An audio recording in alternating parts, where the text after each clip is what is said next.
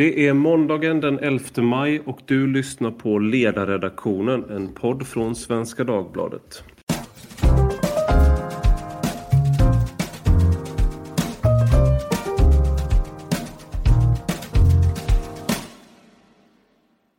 Pojkar halkar efter i skolan och det har varit en sanning under lång tid men det är någonting som har accelererat på senare tid. Och med mig för att prata om det har jag Fredrik Zimmerman som är lektor i barn och ungdomsvetenskap och länge har forskat om pojkar i skolan och varför det ser ut som det gör. Och du är också aktuell med boken Pojkar i skolan, vad lärare och andra vuxna behöver veta för att fler pojkar ska lyckas i skolan. Ja, det stämmer. Välkommen! Ja, tack så hemskt mycket. Tack så hemskt mycket. Jättekul och vad är det vi behöver veta för att fler pojkar ska lyckas i skolan? Ja, det är ju givetvis eh, väldigt många eh, saker som samverkar. Eh, så att säga för att eh, för det här fenomenet att pojkar eh, då som grupp presterar sämre än flickor i, i skolan. Ehm, jag har, vi börjar där som jag har gjort min forskning, så att säga, eller främre delen av forskningen, kikat på skolor där pojkar eh, presterar bättre, så att säga, eller klart bättre än snittet och eh, är väldigt, och i skolor som stort då är med.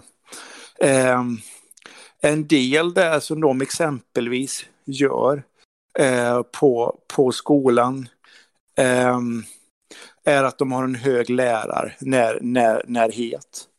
Eh, pojkar behöver också oftast, eh, exempelvis som de här gör också, de har också, eh, pojkar behöver kanske ett större stöd också eh, för att fok, fok, fokusera på, på skolan. Eh, det märker man ju, det finns undersökningar som visar att eh, vissa undersökningar visar att pojkar eh, kan vara fem gånger mer beroende av att ha stöd från föräldrarna och så och så, och så vidare, att fokusera på skolan. Så det innebär ju inte att pojkar inte kan lära sig, men de kan behöva hjälp för att fokusera på, på, på skolan. Um, och då har ju skolor som har kikat på det pojkar presterar bra, dels så diskuterar de väldigt mycket studieteknik, uh, ehm, men pojkarna gör det ofta. Och det innebär ju inte bara det att då får ju pojkarna hjälp med att lära sig hur ska man studera. Man kan, de, man kan inte bara säga till pojkar att studera och ansträng dig mer utan de talar om mera hur man kan göra det, hur man kan lägga upp studier och så. Ehm, de har också exempelvis samtal en gång i veckan med um, handledaren, mentorn eller klassföreståndaren, vad man nu vill, vill kalla den personen som är extra ansvarig för klassen, så att de träffar alla elever antingen före eller efter skolstart för att liksom fråga hur går det med studierna eh, och så och så och så vidare. Och då har man då som hjälp att väldigt tidigt när man startar skolan så lär man pojkarna exempelvis göra upp ett schema eh, för sig själv hur de ska göra uppgifter. Exempelvis mm. har, har de exempelvis uppgifter om exempelvis vatten. Nu ska vi göra ett arbete om vatten, ja, men då måste pojkarna göra ett arbetsschema först. Och då kan man, då kan man utifrån det prata liksom hur, hur, hur går det med studierna och så och så vidare. Mm. Och egentligen alla pojkar och flickor säger att de förstår att det här är en kontrollfunktion, men de ser det som positivt att säga att man, man blir liksom sedd och får prata med lärare. Eh, så att det handlar mycket, så de som jag sett, så en del av detta är ju att hjälpa hjälpa dem eh, att fokusera på, på, på skolan. En sak jag tänker på, som jag undrar där, i de här skolorna du har studerat att pojkarna klarar sig bättre, klarar sig även flickor bättre i de skolorna? Eller, och liksom är det att pojkar klarar sig bättre relativt flickor eller är det att alla eleverna på den skolan klarar sig bättre? Ja, alltså jämför man sig, man ska säga de, de här skolorna ligger klart över snittet. Mm. Och, och då, då ska det sägas att det är ganska jämn sammanställning. Mm. Att eh, det är väldigt många som kommer från ar arbetarklasshem. Eh, och så också. Det, det är ju någonting som de reagerar på också, som att de kommer från, eh, så hälften av eleverna, eleverna kommer från mera studieovana hem så att säga.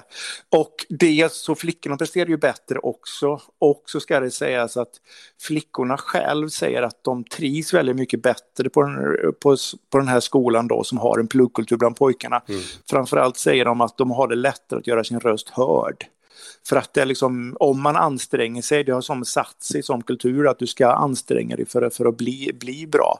Eh, och då är liksom, känner ju tjejerna att de inte blir retade och så och så och så vidare. Så, så allting som, eh, så de pojkar, så de så enligt flickorna som är in, in, in, intervjuade när de här lärarna anstränger för att skapa liksom en, en sån här, man kan kalla det för kultur eller normer bland pojkarna, säger även flickorna att, att de trivs, eh, triv, triv, triv, trivs bättre. Jag har ju även studerat, eh, inte när det är en hel skola, men när jag har varit och kikat på det, man har gjort liksom mindre projekt på att man har plockat ut de här pojkarna har det allra svårast. Och så har man gjort projekt med dem, då har man gjort ungefär samma saker, att hjälpa dem lägga upp sin studieteknik och, och hjälpa dem att dela upp, upp uppgifterna så det blir, blir ty, tydliga uppgifter så att säga. Skillnaden är väl det att de här skolorna har gjort det på, liksom, så att säga, på hela skolan då och känner att det gynnar alla. En sak som jag tänker, det här är ju någon, så länge som jag har läst om det här så har man pratat om en antipluggkultur eh, hos pojkar och eh, att det är någonting som så att säga märker ut pojkar från flickor, alltså även om det såklart är att hårdra det.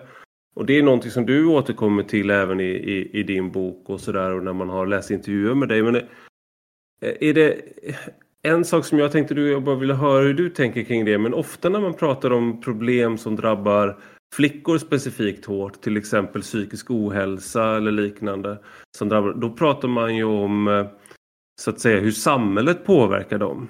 Eh, och hur det omkringliggande eh, samhället och sammanhangen påverkar flickorna och, och tjejer och kvinnor. Eh, men nu när det är då ett problem som som eh, så att säga där pojkar utmärker sig negativt och lider mer eller vad man ska säga. Då är det någonting som man förlägger hos dem snarare än, än hos, eh, hos det omkringliggande samhället. Hur tänker du kring det? Ja, alltså i min bok så tar jag ju ett... Eh, det vill jag visa vad det är som i samhället som liksom säger skapar, det finns en lång norm så att säga, alltså de normerna som finns på män och så, att män får inte visa sig sårbara, för är du en sårbar person så, går det inte, så får du ingen tillit och så, och så, och så vidare från andra. Och det här, och jag kan visa det som finns i samhället, men det här är också någonting som sipprar in i skolan. Så jag tar exempel på hur lärare Eh, så att säga eh, reproducera att pojkar ska vara tuffa och tåliga och visa sig tuffa och tåliga. Eh, och det säger ju även pojkarna själva att de har sådana förväntningar på sig från, från lärarna så att säga som inte flickorna har, utan de ska visa sig tuffa och tåliga. Och vad har det här då för koppling till, till betygen? Jo, det kommer ju till det att om du, inte, om du lär dig att fortsätta till att vara tuff och tålig, då lär du dig inte att be om hjälp du lär dig inte ta emot hjälp på, eh, på ett produ, produ, produktivt, produktivt sätt. Så pojkar, så, så det är liksom så, och det är jobbigt att vara i på ställen där man inte lever upp till de här normerna där man ska göra. Då. I skolan ska du, ska du exempelvis le, leva upp då till eh, att du ska vara duktig i skolan. Och så, och så vidare. Och kan du inte leva upp till de normerna och, och mår dåligt och vad visar dig misslyckad och så, så och så vidare. Och, då, och då, är, då, har, då är det väldigt mycket svårare för pojkar att be om hjälp och det är flera andra studier som har märkt också att, att eh, det, det, det, är svårare att hjälpa pojkar. Här blir det ju då att pojkarna flyr eh, pro, problemen eh, istället, istället då. Och det här är ju så grunden till som jag skulle säga till eh, så att säga antipluggkultur handlar ju i, alltså frågan tycker jag är bättre att ställa varför gör pojkar studiehindrande hand, handlingar? Det vill säga varför flyr de skolan? Varför anammar de andra normer i den skolan? Jo, alltså använd, tar man normerna i skolan så, så känner man sig misslyckad. Mm. Eh, så att säga. Och då, då byter man gärna normsystem till det här blir lyckat så att säga. Men för att förändra detta och diskutera med pojkarna om detta så är det inte att utgå från att du vill verka cool och häftig sådär. Utan här, grunden är att de känner sig miss, misslyckade. Det är väl här jag tänker att det är en, det finns en paradox här någonstans som jag och det är att om jag jämför hur det var, jag är född, eh, jag är, fyller 38 i år eh, och om jag jämför mig med liksom generationerna som var som är äldre så skulle jag ju säga att det var ju mycket mer, eh, alltså mer, mindre okej okay att vara mjuk i äldre generationer av män än vad det har varit för min generation. Och om jag jämför med ännu yngre så tror jag att det är ännu mer så att du har mjukare mansideal idag och att vi uppmuntras från tidig ålder att uttrycka känslor och liksom i populärkulturen så är det också liksom att så att det, och så att det här sammanf alltså, eh, eh, det sammanfaller samtidigt som vi, vi ser liksom att mansidealet mjuknar i samhället i stort så sker det att pojkar halkar efter allt mer. Så det, det känns ändå som någon slags paradox att, pojk, att, att avståndet ökar mellan flickor och pojkar samtidigt som vi får ett allt mjukare mansideal. Ja, eh, först och främst ska vi säga så de här klyftorna har ju alltid funnits, även om det, ök, det ökar nu. Ja. Sen så vet jag ju inte riktigt heller om vi får ett mjukare mansideal. Eh, jag tycker det finns, för, det, för att det finns ju de som har gjort undersökningar och intervjuat olika generationer av män och säger att eh, de nya männen är mer öppna så att säga, men man ska inte överdriva driv, driv, driv, driva det här.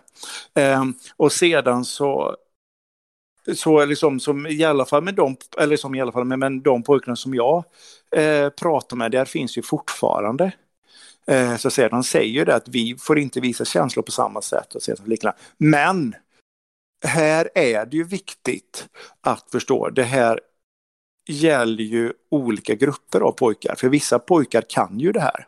Mm.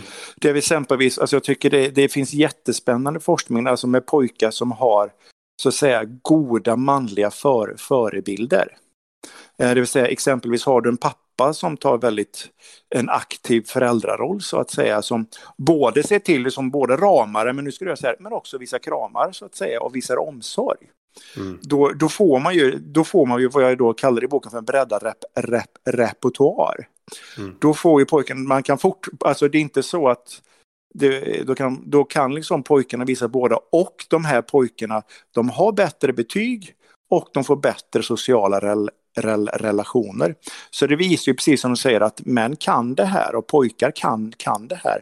Men det är kanske framför allt de pojkarna som har liksom ingen som säger, manlig, god manlig förebild så att säga som fortfarande hamnar eh, så att säga, de får en väldigt, de har en mer traditionell snäv bild av, av man, manligheten och det är då den här gruppen som, halk, som halkar efter så att säga. Det jag tänker där är ju att um, um, det finns ju någonting här som du är inne på i, eh, i, i, i, nu när du pratade här nu och i boken och det här med att pojkar särskilt har man sett har ett behov av en tät återkoppling och kanske en, ehm, alltså mer struktur mer, eh, mer liksom, kanske också att, att man helt enkelt, eh, det här fria lärandet och allt sånt där, att det, det missgynnar så att säga pojkar, även om inte det är avsikten.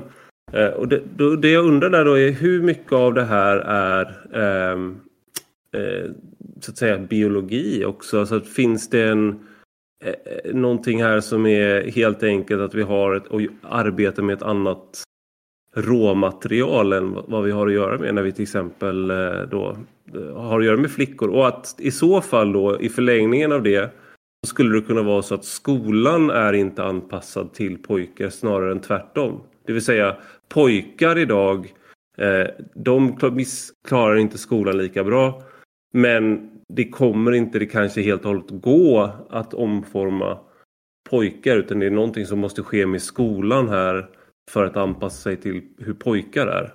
Mm.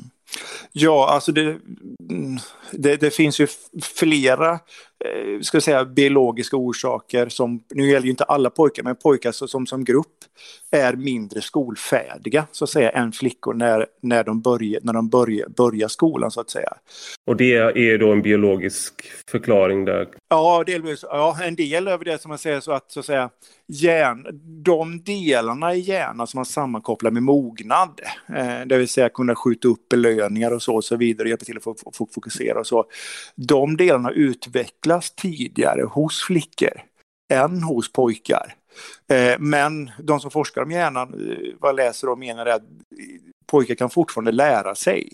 Men de behöver mera stöd och hjälp då för att fok, fok, fok, fok, fokusera på, på, på, på skolan. Och det, eh, Socialstyrelsen kom ut med en spännande eh, rapport för, no för något år sedan där de kikat på eh, barn som är födda senare på året än de som är födda tid, tidigare på året.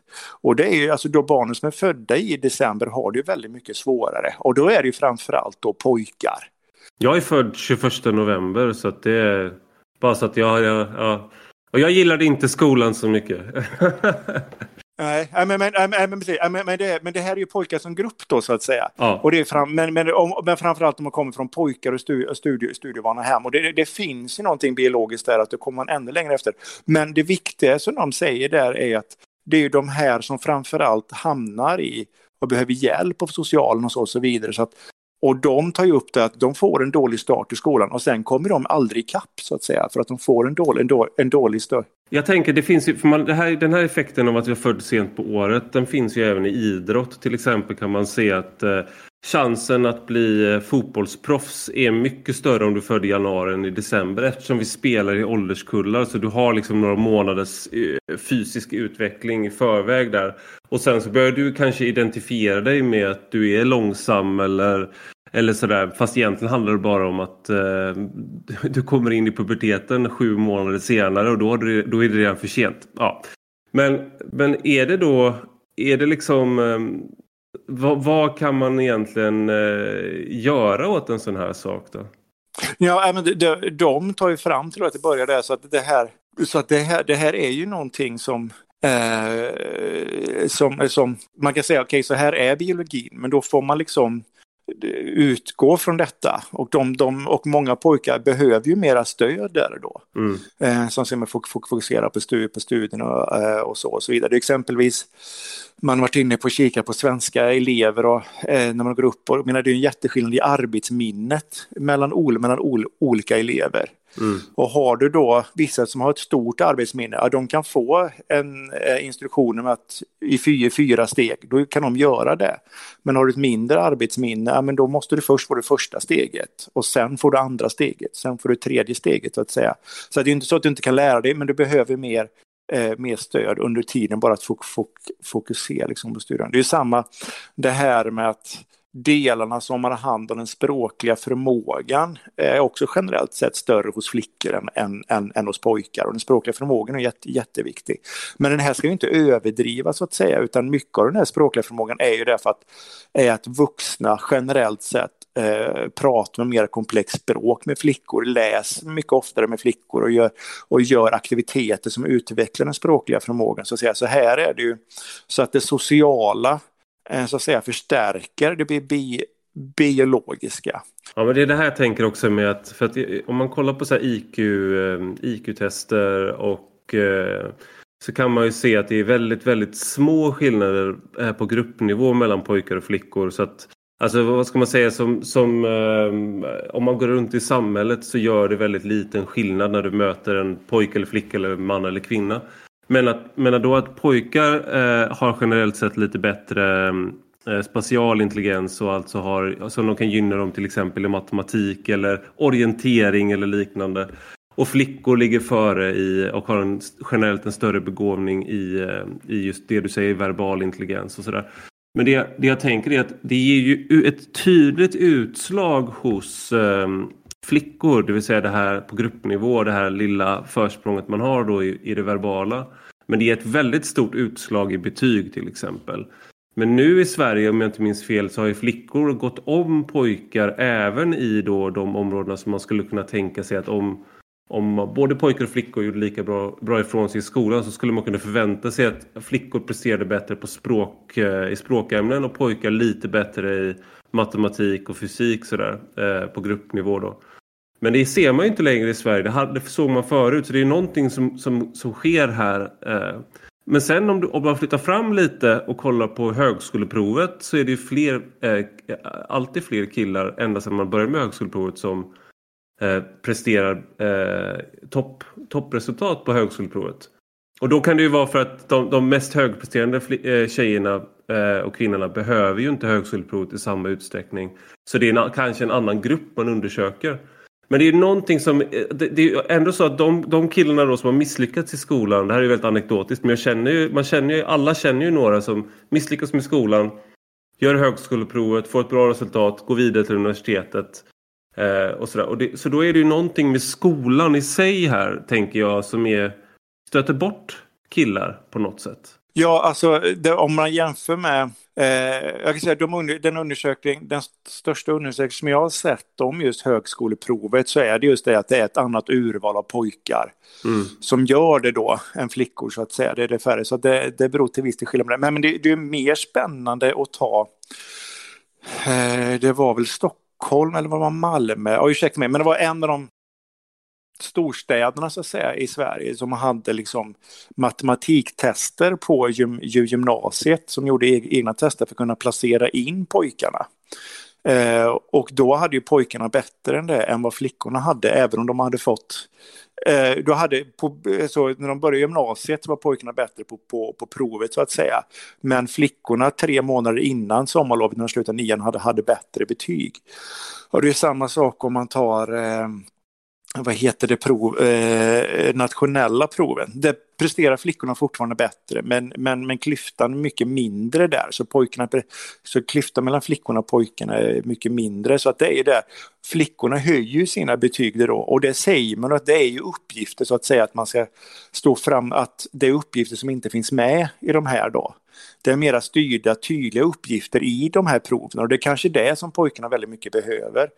Och det kan ju också vara så som många lärare kanske, eller när man pratar med lärare, varför höjer flickorna sig så mycket? Men det är liksom, är det en muntlig redovisning, exempelvis historia, men då är ofta flickorna väldigt duktiga på just det muntliga så att säga att stå där framme, fram, fram, fram och prata och gör det på ett sätt som lärarna anser är mer accepterat.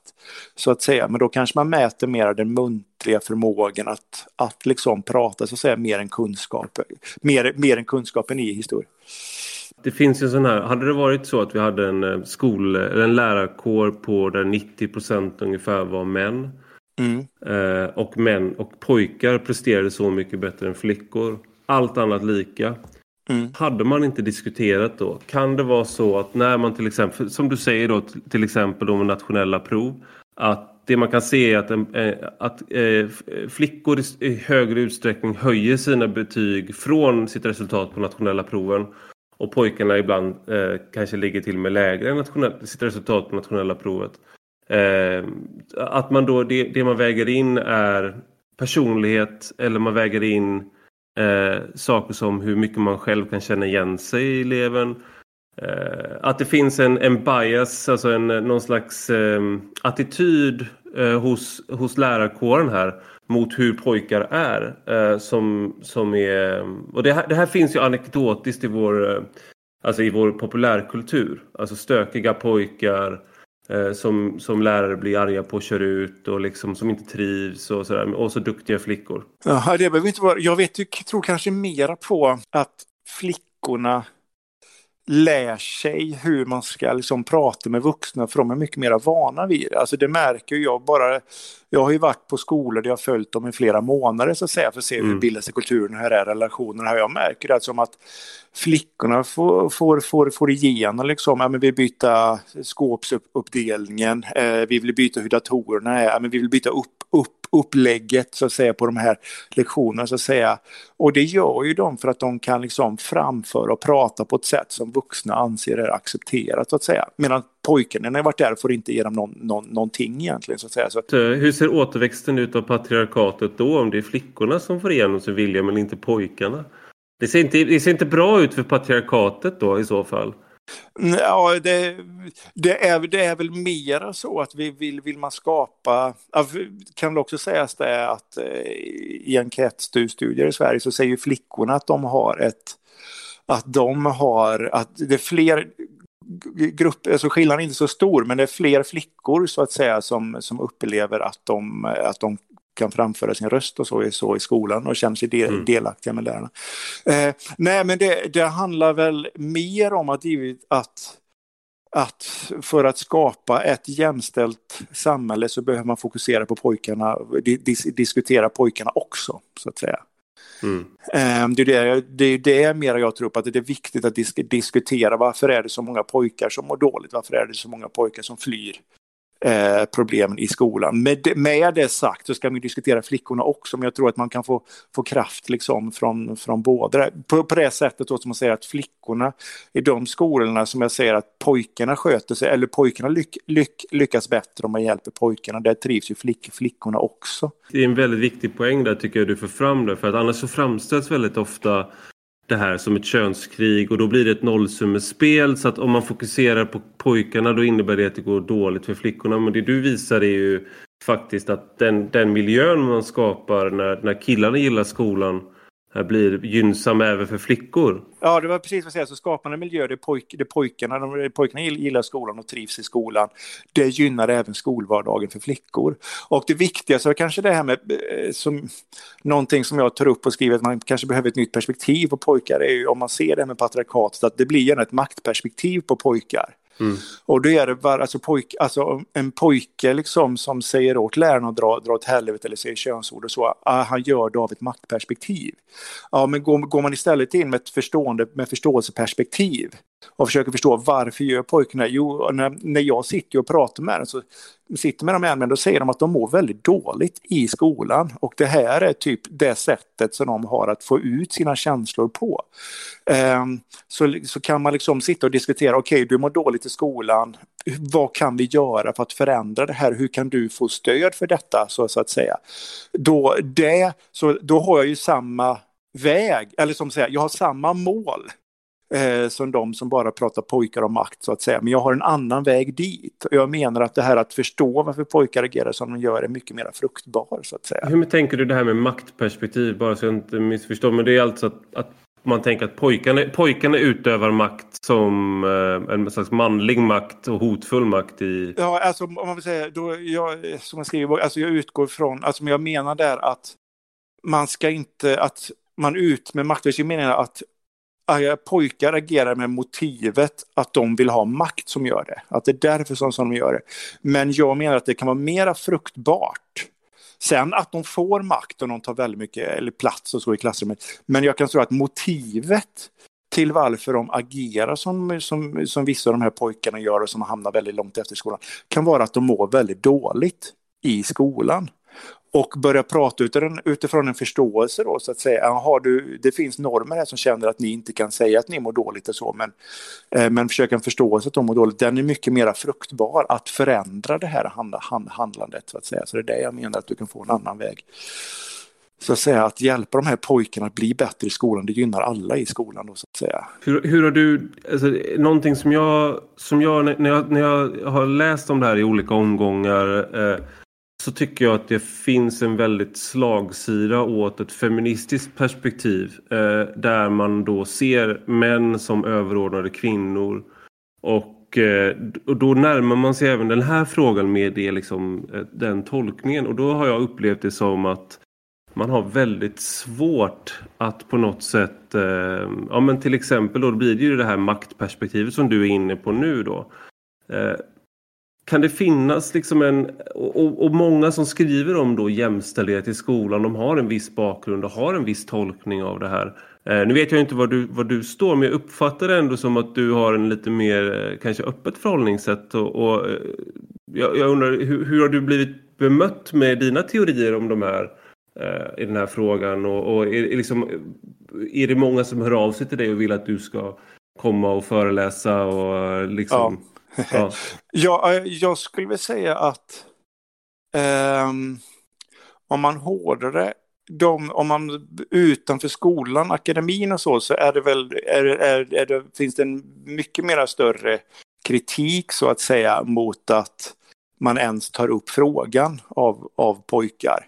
Jag skrev bland annat min avhandling om, om det här för några år sedan och på mitt slutseminarium, den vanligaste kritiken jag fick då var var, varför skriver man om det här överhuvudtaget? Skillnaden nu då, när jag skrev boken och, in, och innan boken, eh, så att säga, så har jag blivit inbjuden till mängder med skolor mm. för att komma och prata på det. Och och där finns det givetvis också personer som är kritiska till det här perspektivet. Men jag skulle säga att de allra flesta lärarna vill alla elever väl. De vill flickorna väl och diskutera det och de vill pojkarna väl och diskutera det. Men de har svårare att finna liksom, vart ska man börja diskussionen om pojkarna för den diskussionen har inte, har inte, har inte funnits. Så jag skulle vilja säga att, att diskussionen bland lärarna, de är väldigt öppna Eh, både kvinnor och män där så att säga. För, för, de, för de möter ju pojkarna, de har ingen liksom arg mot dem. De vill, som lärare som vill du pojkarna väl och de uppskattar att få ett annat perspektiv och börja diskutera. Aha, de kanske agerar så här för det här och så här kan, kan, vi, kan vi hjälpa dem. Så att jag känner ju att jag har fått ett eh, fått ett väldigt positivt eh, bemöten av lärare just på grund av att lärarna vill eh, de här väl. Dels lärarna och dels, så ska jag säga två, det är ju lärare och kanske och eh, rektorer som har bjudit, bjudit in mig för att här är viktigt att skapa en diskussion. Och eh, mammor som har söner. Mm. Eh, har jag, det är väl kanske framförallt, framförallt mammor som har söner som jag har fått mejl ifrån.